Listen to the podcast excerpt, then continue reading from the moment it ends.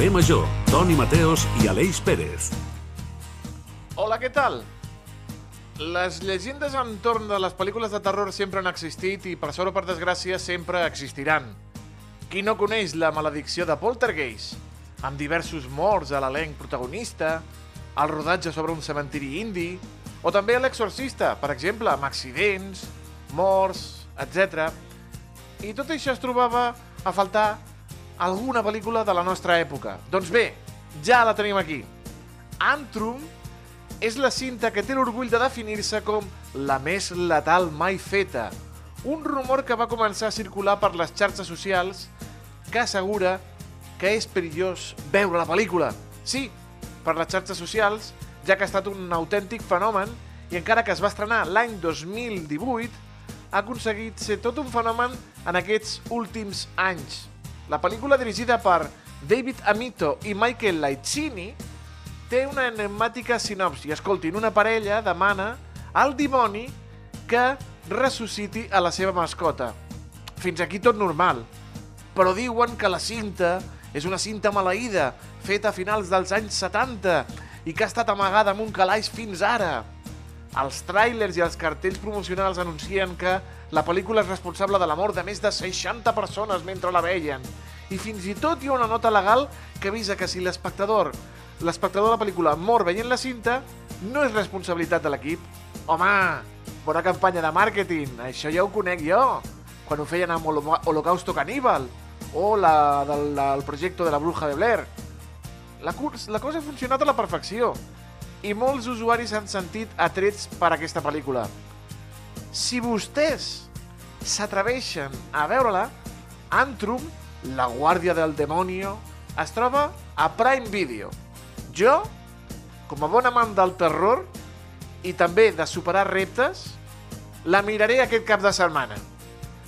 Aleix, estigues atent per si dilluns no torno, eh? No, no està atent. No està ni avui atent, l'Aleix. Ai. Ja saps com la, això t'anava a dir, Toni, que, és que era, era una prova veure si la, la bruixa ah. se m'havia portat. Però no. no, ja saps que si el dilluns no tornes, ja saps com obriré el programa, no?, a la segona hora, perquè perquè déu nhi jo sí que sóc, sóc bastant cagat i no m'agraden tant les pel·lis de por. El que sí que he fet alguna vegada i et recomano és els videojocs. Alguns videojocs de por, n'hi ha alguns que jo he passat una mica malament, eh? Recordo Outlast en el seu moment, també inclús en algun Resident Evil, sobretot al principi, jo que no saps ben bé què està passant, els videojocs de por també són una, són una experiència bastant, bastant interessant. Last of Us, què tal? The Last of Us és xulíssim, o sigui, però, o sigui, fa una mica de por, però una vegada jugues les primeres 3-4 hores comences a saber ja una mica el truco i ja no et fan tanta por els zombis. Jo vaig jugar, he jugat el primer, el segon no, encara no, no hi he jugat, però em va encantar.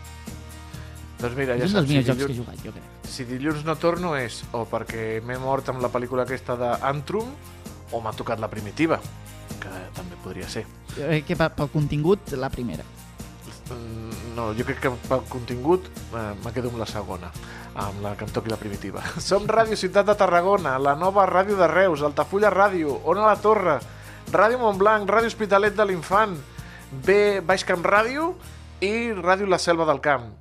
Tranquils, que si ens escolten no els hi passarà res, tranquils, eh? Tot el contrari, seran dues hores d'entreteniment de quilòmetre zero a la seva ràdio local. I a més a més, en Diego Moreno, el nostre tècnic, ens protegeix de tot tipus de conjurs. Benvinguts a Carrer Major.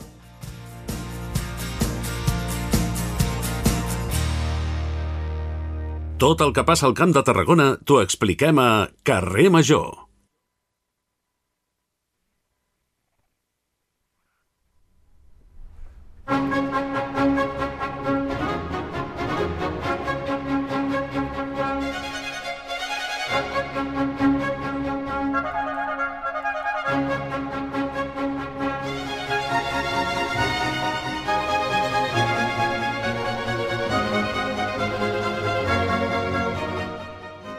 Fa dies l'Orquestra Camerata 21 Ciutat de Reus va presentar el projecte Cantem, un concert participatiu amb l'objectiu de promoure el cant coral al Camp de Tarragona. Ja porten molts dies assajant per oferir, de cara a les festes nadalenques, tres concerts corals amb les veus dels més joves del territori. Per parlar de tot això i de més coses tenim a l'altre costat de la videotrucada a Guillem Cabré, director artístic de Camerata 21, i al qual saludem. Senyor Cabré, molt bona tarda. Bona tarda, com anem? Molt bé, que sàpiga una cosa, senyor Cabré. Vostè li va vendre el primer violí al nostre tècnic. en sèrio? En sèrio? Sí, sí, sí. Sí. El, Iago, el Iago Moreno.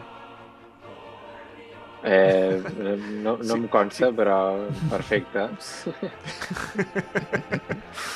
A banda d'aquesta petita anècdota, amb quin objectiu neix eh, Cantem, senyor Cabré? Bé, doncs el, el principal objectiu és de, de promoure la, la xarxa de, de cantaires i de, i de cors eh, arreu del Camp de Tarragona, que ens trobàvem una mica, o, o rebíem la inquietud, no?, que es trobaven una mica orfes de, de projectes així, de, de sumar esforços, de, de col·laborar.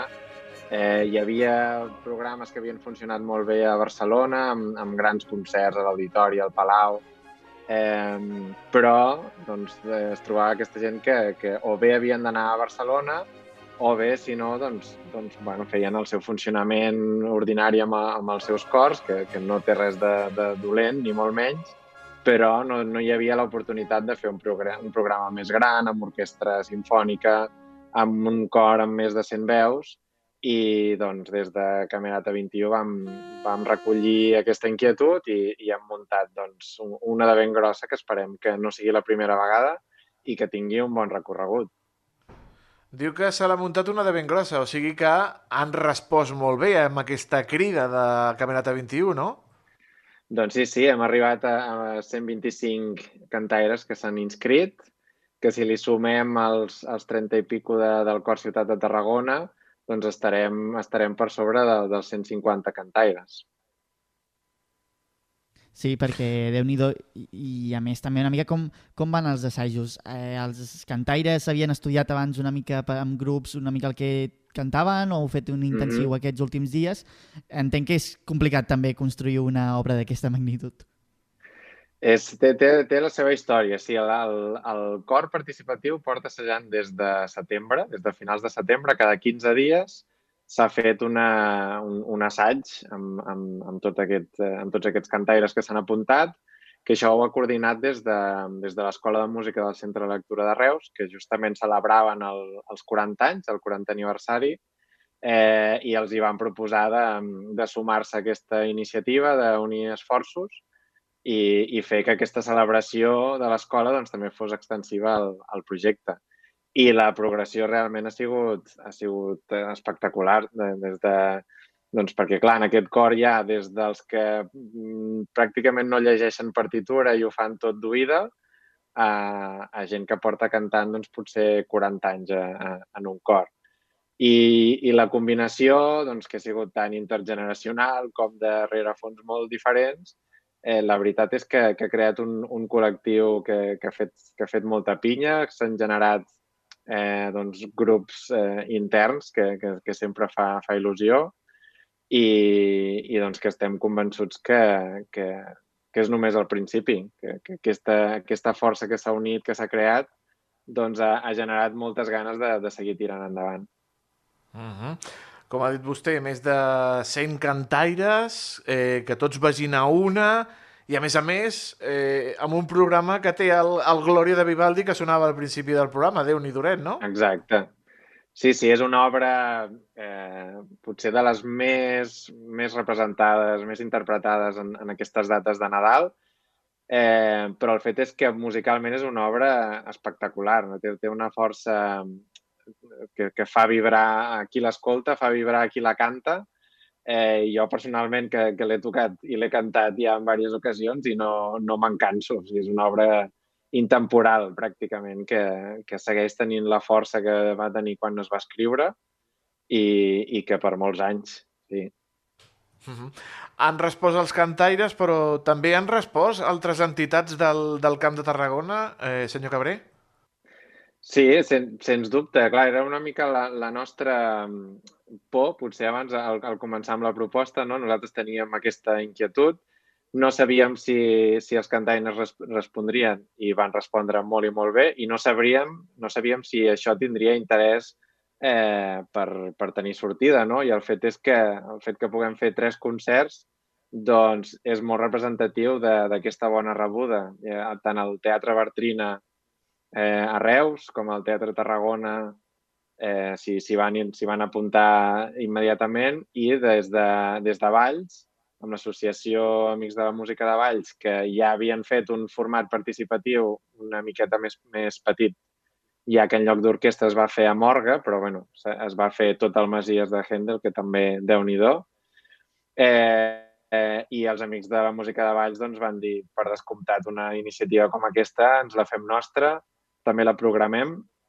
i, i fruit d'això doncs, eh, també s'hi ha sumat després la, la FASEC, la Federació d'Entitats Corals de, de Catalunya, i hem tingut també el patrocini de, de Memora, que, que per tant tot plegat doncs, doncs ha fet que, que això s'assumi els suports que ja tenim de forma estructural de l'Ajuntament de Reus, la Diputació de Tarragona i, i el DISEC, i que, per tant, doncs, bueno, ha sigut, ha sigut una, una garantia i una solidesa que ha permès doncs, que, que aquest projecte eh, neixi triomfant i ja no només el, els concerts i la gent que hi participa, sinó també la gent que hi farà cap, no? Escoltar-hi quina importància té doncs, tenir un projecte tan únic al territori també que la gent tingui doncs, a, al seu abast una proposta tan atractiva com aquesta.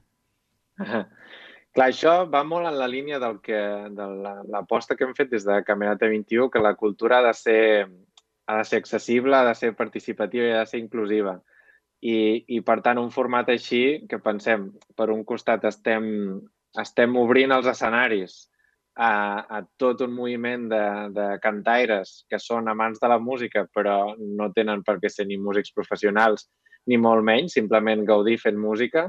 Llavors estem posant els escenaris al, al seu servei, que, que això ja, ja marca, ja marca un, una intenció.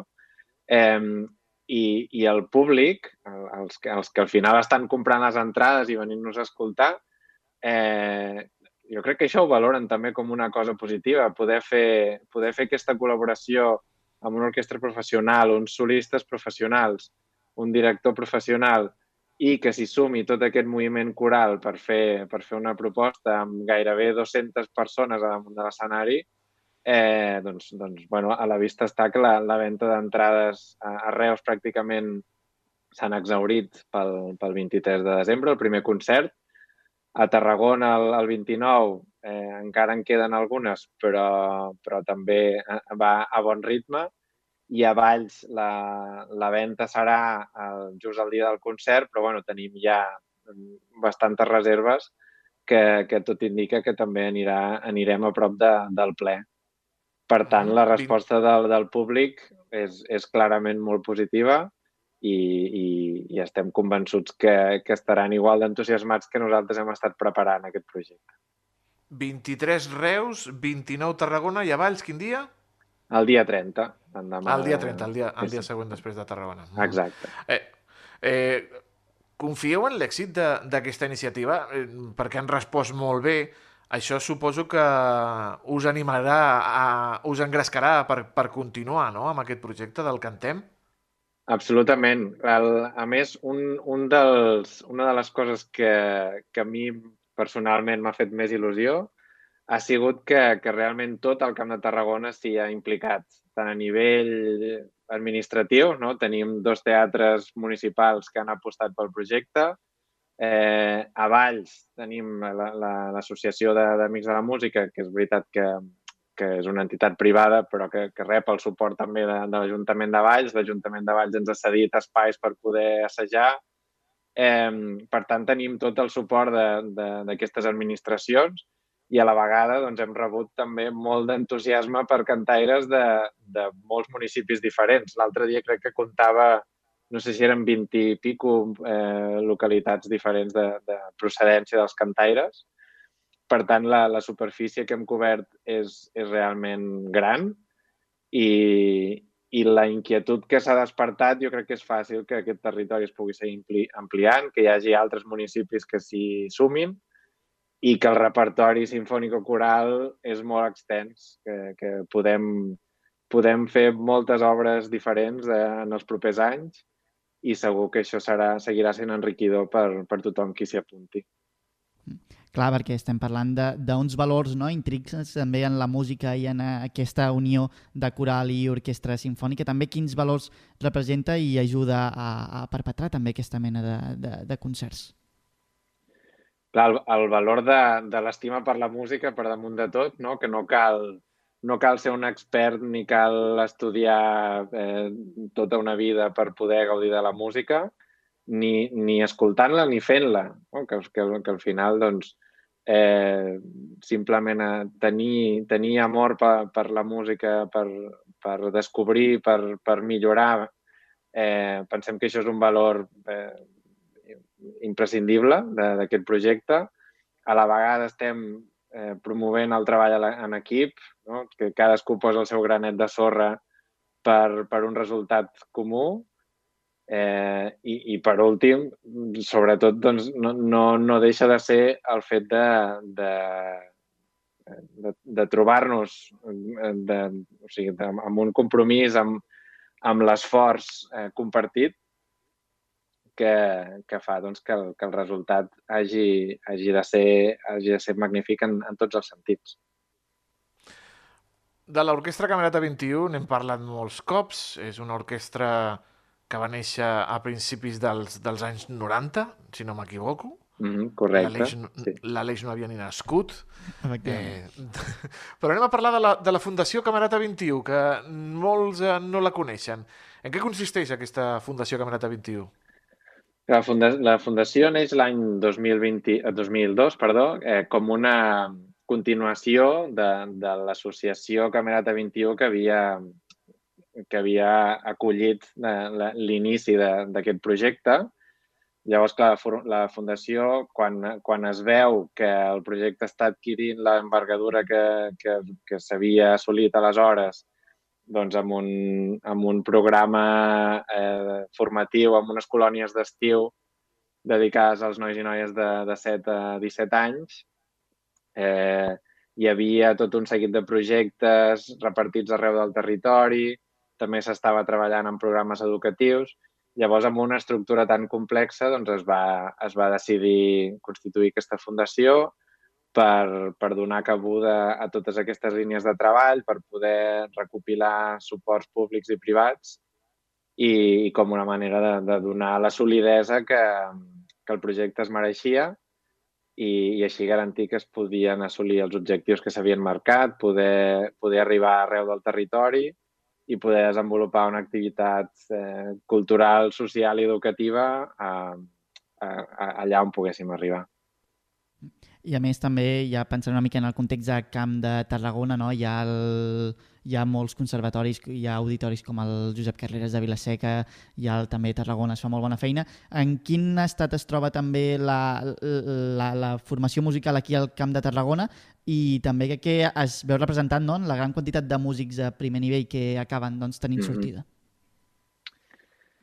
Eh, sí, això és cert que, que potser hi va haver una època que, que semblava que, que si no passaves per Barcelona eh, volia dir que, que no tenies sortida o que no tenies recorregut, però, però és veritat que la reivindicació que s'ha fet a nivell territorial, no? amb, amb quatre conservatoris, eh, cadascun d'ells molt potents en, en, en instruments concrets no? o, en, o en àmbits concrets, però tant Vilaseca com Tortosa, com Reus, com, com Tarragona han tret, han tret eh, músics de, de primera línia i, i això nosaltres ho veiem personalment, eh, veiem el, el procés amb, amb alguns nois i noies que venen de colònies durant molts anys, no? que veiem com, com es van desenvolupant any rere any i ho veiem ara també doncs, que servim com, com punt d'acollida als, als joves músics que estan ara acabant el, els estudis superiors o que estan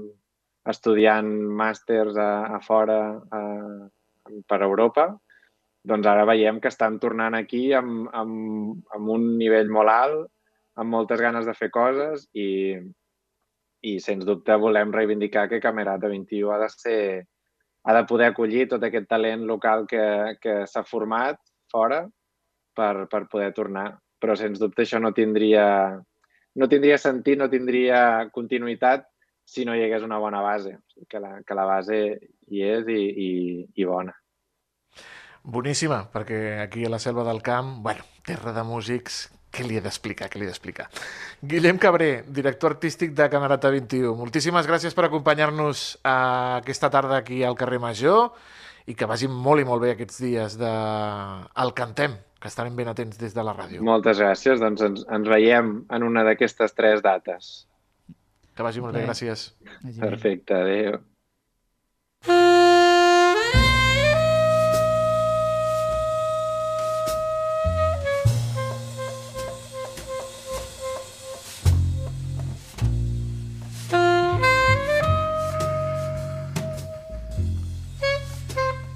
I Aleix, eh, després de parlar de cant coral, ara amb aquesta música a mi m'ha de gust un whisket, un cigarro, bueno, no fumo, eh, però seure en un, un bon sofà... No? I un eh? contrabaix així com molt gran. Sí, sí, sí, sí, sí. I molt de fum, i, i, i, i, i, i molt fosc, amb, amb llumetes així, a les taules. I és que, amic Aleix, el cicle nadalenc de Cambrils la Mar de Jazz torna avui mateix per oferir-nos durant aquestes festes tres propostes ben diferents al municipi costaner de Cambrils. Per parlar de jazz, de música, tenim de nou a l'alma mater d'aquesta associació de Cambrils la Mar de Jazz, el nostre bon amic l'Isaac Alvesa a l'altre costat del fil telefònic i al qual saludem. Isaac Alvesa, bona tarda. Bona tarda, què tal? Ara mateix t'hem tret de les proves de so del concert no, d'aquest vespre. No, no, ara, ara no? m'has tret del mig del carrer, que estic esperant que arribin els músics. Ah, que no es perdin pels carrers del port de Cambrils, que sempre té la seva dificultat. De qui es tracta? Uh, qui tocarà aquesta, aquest vespre i què escoltaran els assistents, Isaac? Doncs aquesta nit comencem aquest cicle de Nadal amb un grup internacional. Enguany tenim tres grups, un d'ells és internacional i els altres dos són catalans, que és el Benjamin Herman Trio, que és un músic eh, dels Països Baixos, holandès, abans se'n deia holandès, ara se'n diu dels Països Baixos, aquestes coses que passa de canviar de noms als països, i doncs, ell ve un trio, ell toca el saxo i canta, estàndards de jazz i composicions pròpies, és un músic que si busqueu per internet a la seva web o vídeos és un músic que porta molts anys de, de trajectòria. A Europa doncs, té un nom important en molts festivals. I ara doncs, està aquí a Catalunya, fa una minigira catalana, des de dijous, des d'ahir, que va actuar al January Barcelona, avui actua a Cambrils i demà ho fa a Granollers i a Vic, a Granollers, no, perdona, a Vic i a, i a Olot, crec, i doncs bé, aquest vespre, dos quarts de nou, el tenim al Teatre de la Teca de Cambril, sense whisky, perquè és un teatre i no es pot veure, i sense fum, perquè no es pot fumar, tampoc. Bueno, però el que sí que hi haurà és molt bona música i també sí, et sí. volia preguntar, Isaac, una mica per la diversificació dels espais, no? que l'equip de l'Ermita és un espai de referència a Cambrils, però també en aquest cicle no? també demostreu que hi ha altres espais on gaudir de... de sí, bé, habitualment nosaltres ja fa anys que els concerts eh, els combinem eh, entre el Teatre del Casal, Casal Parroquial, i la Cripta de l'Ermita. En aquest cas, acostumem els grups que tenen pianista a portar-los a la cripta perquè hi ha un piano de cua, i si no hi ha pianista, com és en aquest cas, que és bateria, contrabaix i veu i, i saxo, doncs ho fem al Teatre del Casal. Toquem amb els dos espais, depenent de la disponibilitat i de la previsió de públic, perquè un espai és més gran que l'altre, intentem doncs, acotar els concerts. Avui al Teatre del Casal, però després, com sí. has dit, marxeu a la cripta, abans de sí, l'any... Sí, el dia 30. Sí, el amb dia el Jaume Vilaseca. Amb... Sí, enguany fem tres concerts. Un que li diem concert de Nadal, que és el d'avui, tot uh -huh. i que encara queden 10 dies. Sí. El concert de Cap d'Any, que és el de el dia 30 del Jaume Vilaseca, i el concert de Reis, que serà el dia, perdó, el dia 7 de gener amb el Fèlix Rossi Quintet. Sí, el dia 30 és un artista català, un pianista, el Jaume Vilaseca, per això el portem a la cripta, on hi ha el piano de cua, i ell el que fa, ja l'hem tingut un parell de vegades a Cambrils al llarg dels anys, i ell el que fa és un homenatge en clau de jazz a una època del grup de rock progressiu Yes, un dels anys, una de les èpoques claus d'aquesta formació, que és del 72 al 76, crec, ara estic dient de memòria perquè estic al carrer, o 73-76, no? Tres discos que els IES van fer d'aquella època i que ells els passa pels sales de jazz amb un octet, o sigui, són vuit músics els que venen, eh, la secció de vents, bateria, piano, trompeta, eh, baix, contrabaix i, i guitarra amb el Jaume Vilaseca. O sigui, un grup que pot atraure tant els aficionats del jazz com els aficionats del rock progressiu que escoltaran algunes de les peces que ells coneixen. Mm, dels Yes, déu nhi I com Els dius Yes, sí. tu, després de Nadal, després de Cap d'Any, ve Reis, Sí. obrireu els regals... El dia us trobareu- 7, exacte, ja abans exacte. de tornar a l'escola, diguéssim, els que van a l'escola, eh, tindrem el Félix Rossi Quintet, que, que és un trompetista català, fill d'argentí, el seu pare és el Jorge Rossi, un contrabaixista important, un bateria important, que el que ens farà és doncs, oferir-nos una selecció d'estàndards de jazz, de bebop, amb una secció també potent, que en aquest cas, doncs, la sort és que tenim el seu pare, que ens acompanya en la bateria. El Félix Rossi és un dels músics de la generació de l'Andrea Motis. Fa molts anys va venir a Cambrils amb un concert de duo amb la Motis i, Uh -huh. i bé, doncs en aquest cas, després d'uns quants anys que havíem anat al darrere d'ell o ell havia anat al darrere de nosaltres, doncs no coincidíem sempre amb les dates i finalment l'hem pogut fer. I, Isaac, eh, Digue'm. aquests, aquests tres concerts que comentaves, quin serà el preu per poder gaudir de- d'aquests... Sí, el preu, el concerts? preu fem un preu sempre anticipat de 12 euros als socis de l'associació, perquè som muntem des d'una una associació és de 10 euros i aquí ja són 15 euros. A banda hi ha abonaments de 30 euros pels tres concerts. Jo crec que preus bastant populars per artistes de primer nivell. Home, i tant, i tant. Sabeu uns preus bastant populars.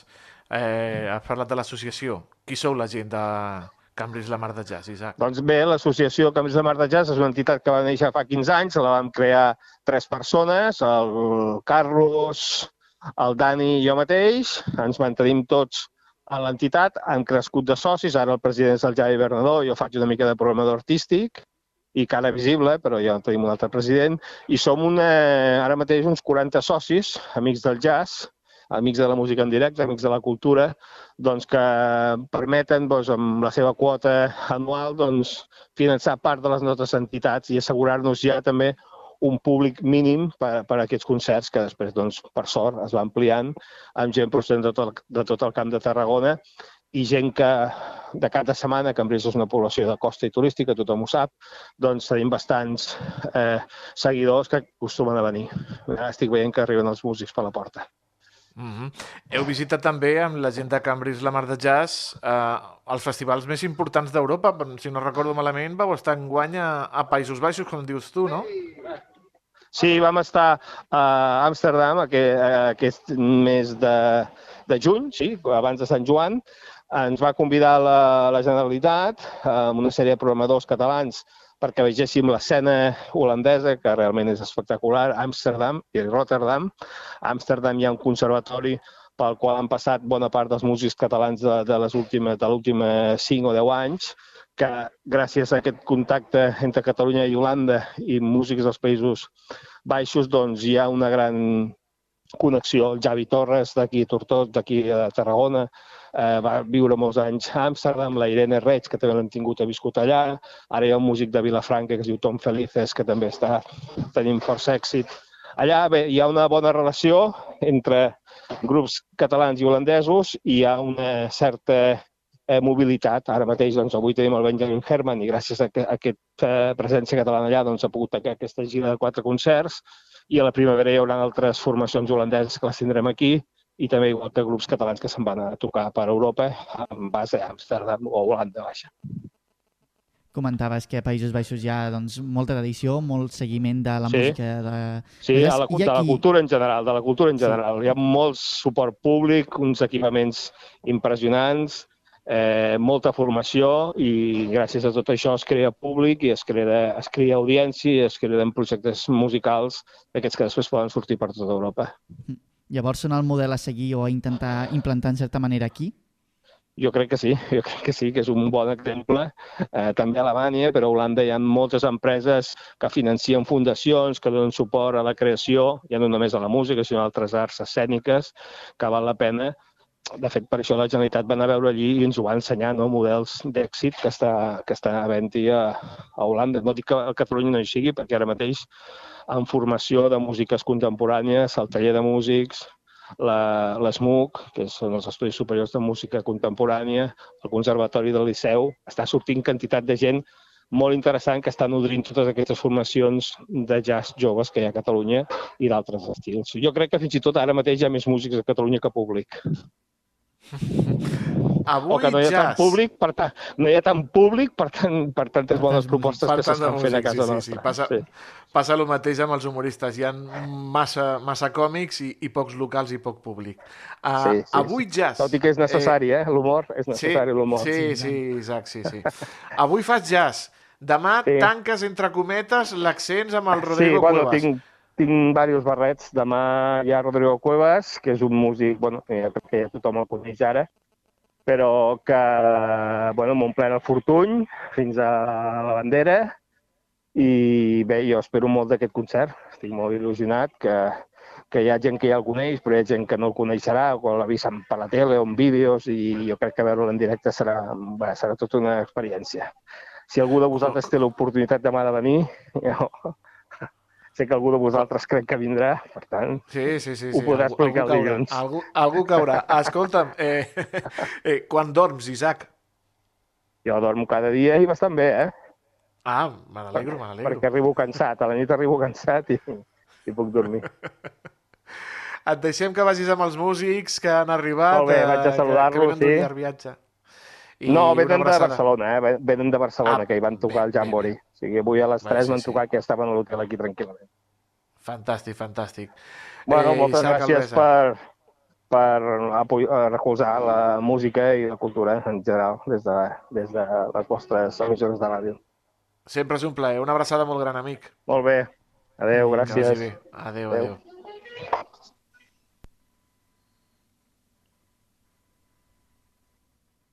Estàs escoltant Carrer Major.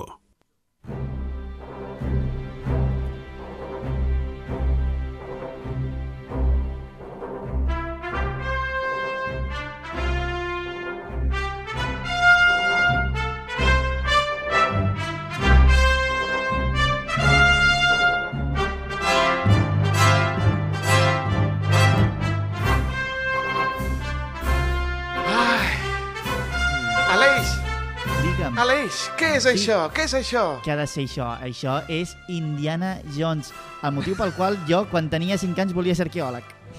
Ah, mira, molt bé, molt bé. A mi me va passar més o menys el mateix.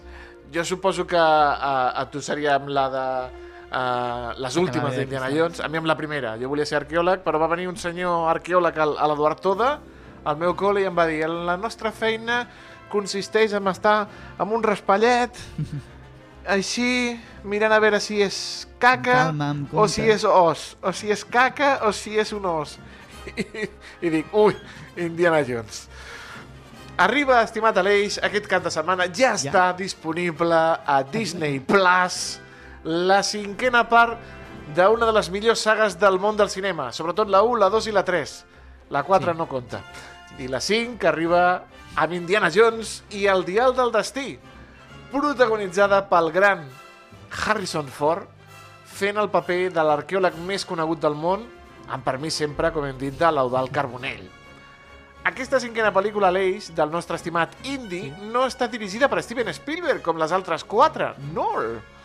En aquesta ocasió ha estat en James Mangold, el director de Logan, per exemple, l'ha escollit Oh, per fer... xula. Sí, Logan és, és brutal. Eh, les aventures d'aquest vell Indiana Jones, ja està una mica cascadet amb l'edat, acompanyat de la seva fillola, la increïble Phoebe Waller-Bridge. Està immensa. És un dels personatges més icònics del cinema. A veure, tothom coneix Indiana Jones. I dels seus rodatges han sorgit un munt d'anècdotes i curiositats que avui recollim a la nostra secció dels Tonis. Comencem, Aleix, perquè et quedaràs de pasta de boniato. Sabies que un gos va inspirar Indiana Jones? Doncs no. Ah, No sabia, no, no. I com acaba? Ah, no? O sigui, Spielberg, què feies? en un primer moment eh, s'havia de dir Indiana Smith, perquè Indiana era el nom del gos de George Lucas.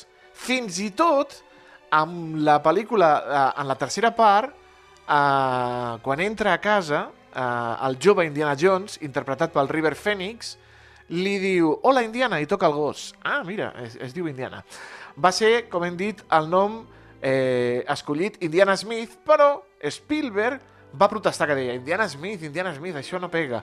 I va sol·licitar el canvi de nom i va proposar Indiana Jones, i així va quedar.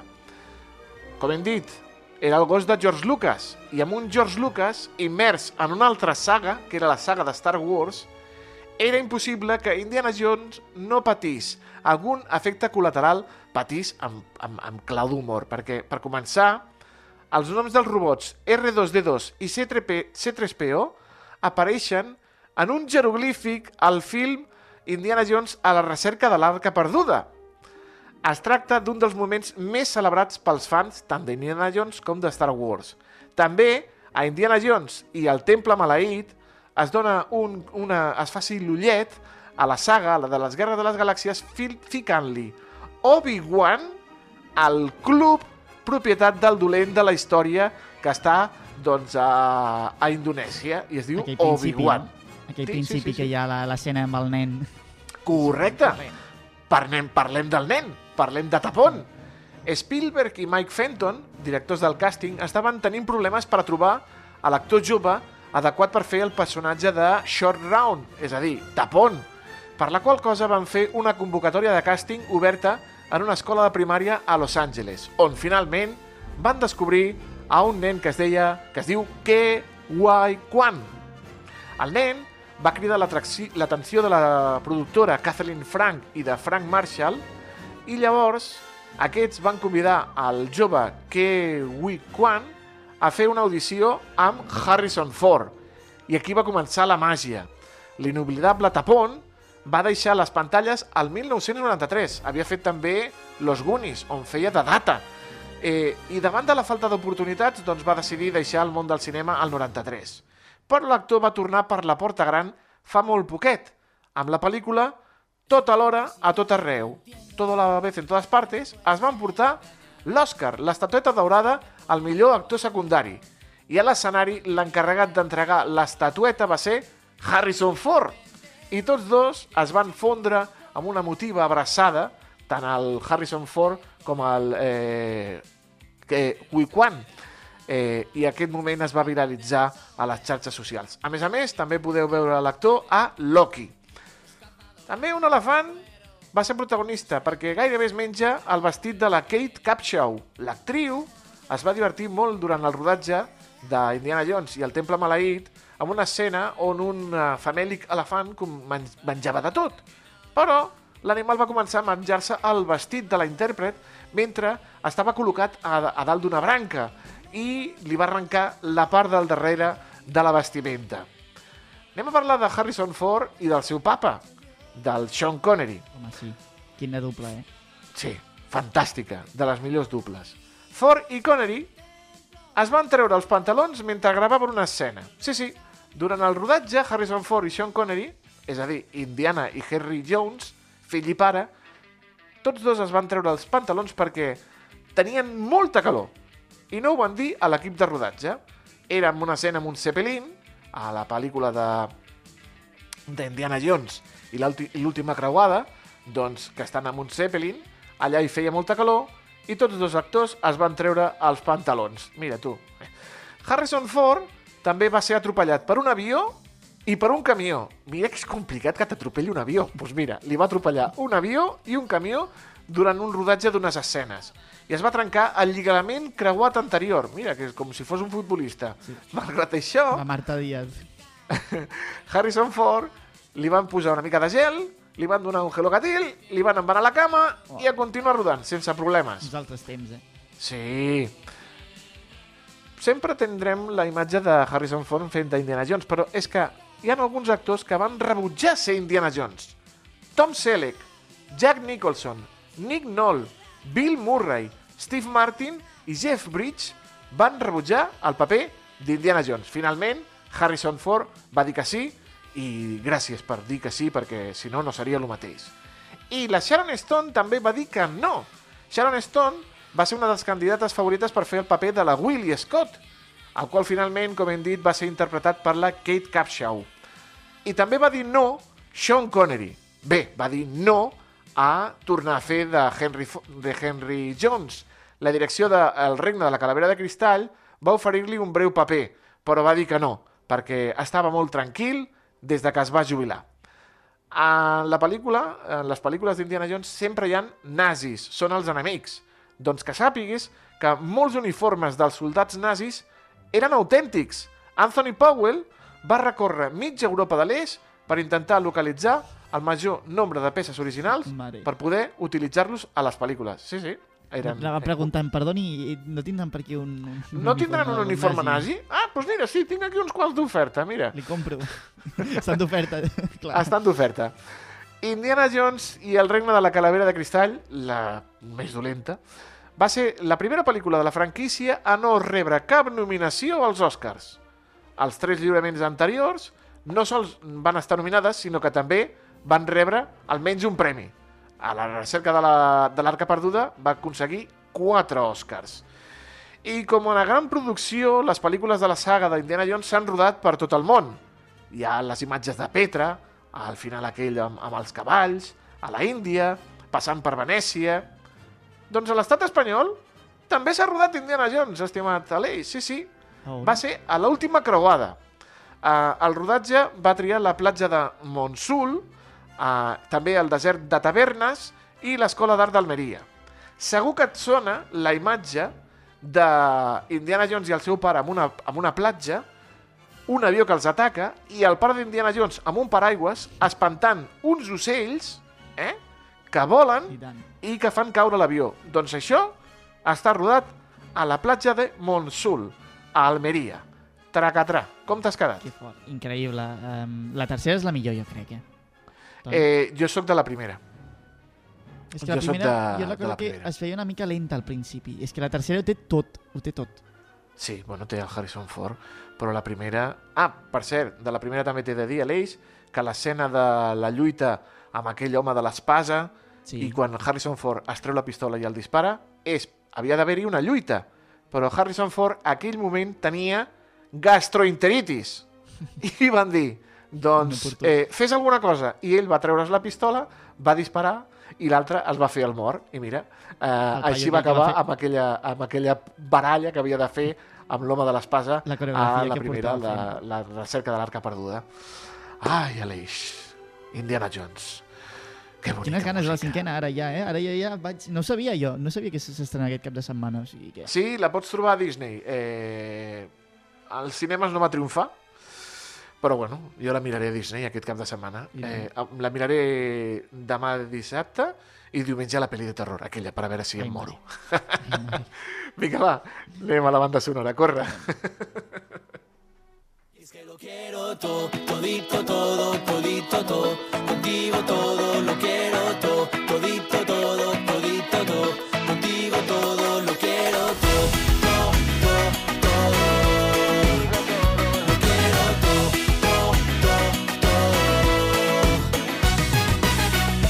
vam conèixer la Mercè, jo estava del Xili, tu patant-ho bé, xupitasso de tequila i que sigui el que hagi de ser.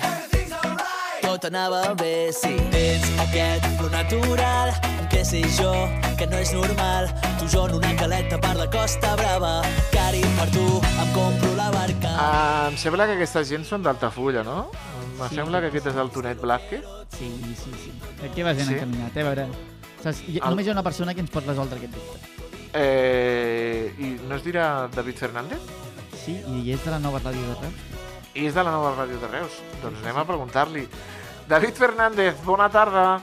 Hola Toni, hola Aleix, molt bona tarda. Avui acabarem la setmana, ja ho veieu, amb ritmes ballables a càrrec d'una formació de casa nostra que ens presenta avui mateix un nou senzill. Anem a Altafulla, d'allà són els Portobello, aquesta banda que està presentant algunes de les cançons que aniran al seu futur treball discogràfic.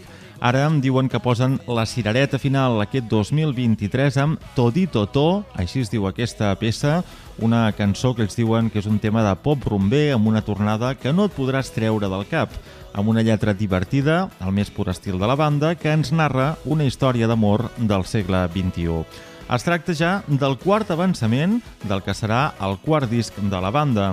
Aquest single és el relleu de l'anterior, que es deia Bla Bla Bla i que ja suma més de 40.000 reproduccions a totes les plataformes. A més a més, en aquest cas, amb aquest Todito To, els Portobello barregen català i castellà. Diuen que amb la intenció de continuar treballant la seva presència més enllà de Catalunya, tal com ja van fer amb un altre senzill que van estrenar i s'anomenava Cantarte Quererte. Avui, doncs, la música dels Portobello, una gent que quan treguin disc estem convençuts que mm, ens farem un fart de veure en directe, suposo que l'estiu vinent, i que avui, de moment, doncs ja podem anar escoltant com sonen les seves noves composicions aquí al carrer Major. Avui Portobello, la banda sonora del dia del programa.